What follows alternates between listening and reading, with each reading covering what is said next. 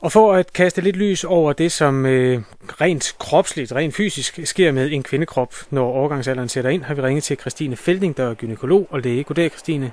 Dag. Hvad dækker betegnelsen overgangsalder egentlig over? Altså fordi det nu hedder overgangsalder, så betegner det jo lige præcis en overgang, og det er mellem den fertile alder, altså der, hvor man øh, kan få børn, og så det, der hedder seniet, altså alderdommen. Hmm. Hvorfor kommer kvinder i overgangsalderen, vil jeg så hellere spørge? det er fordi, at vi er jo født med en vis mængde æg, i øvrigt mange hundredtusind. Men når de så slipper op, så er der ikke nogen til at producere østrogen, altså det ene kvindelige kønshormon mere. Og så er det, vi kommer i overgangsalderen.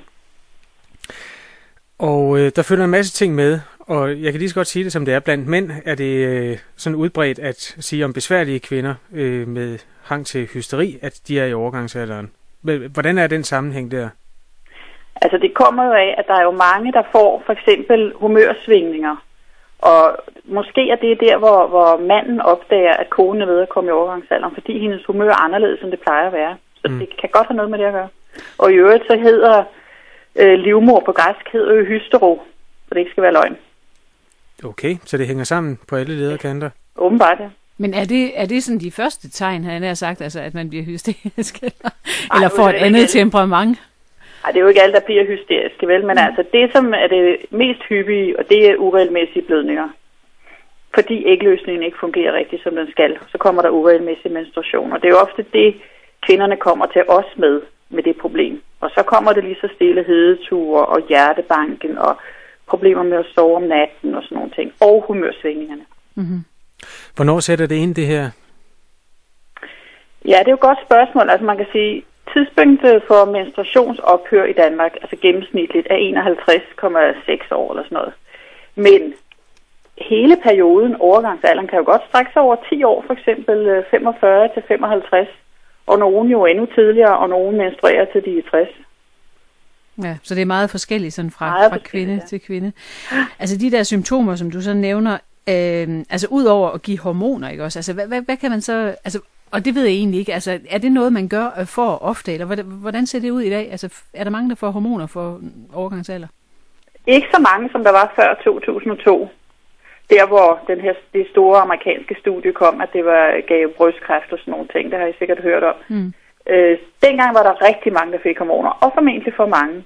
Ja. Nu er det vel samtidig sådan, at der er lidt for få, fordi det gav sådan en hormonforskrækkelse, så nogle af dem, som i virkeligheden har brug for det, ikke får det mere. Mm-hmm. Jeg skal lige høre, hvad gjorde det godt for at give hormoner?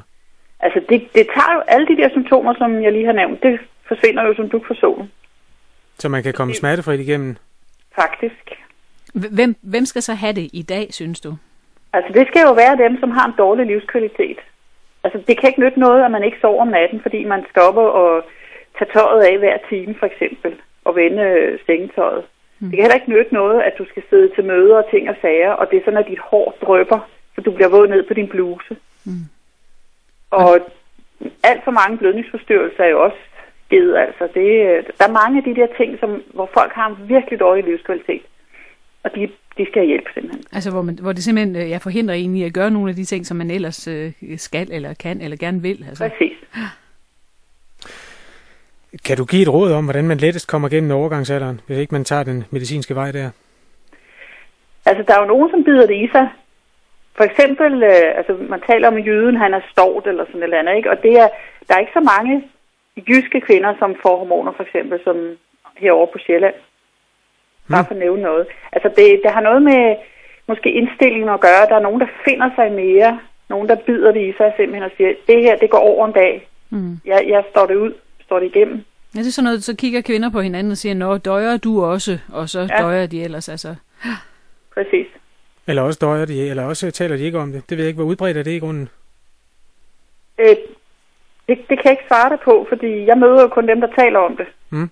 I virkeligheden, ikke? Men i betragtning af, at 75 af alle, alle kvinder får de her symptomer, så det er jo ikke alle, der taler om det i hvert fald. Der er aldrig nogen kvinder, der har fortalt mig om det. Jeg har heller aldrig spurgt. Jeg ved heller ikke, hvor gammel du er. Jeg er 37, men jeg har da omgået mange kvinder, øh, der, der må have været der.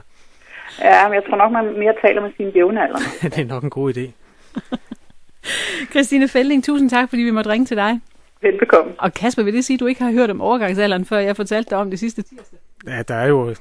der er jo øh, nej, men altså, jeg, jeg lytter. Jeg, jeg lytter ører. Okay. Helt frem til kl. 11.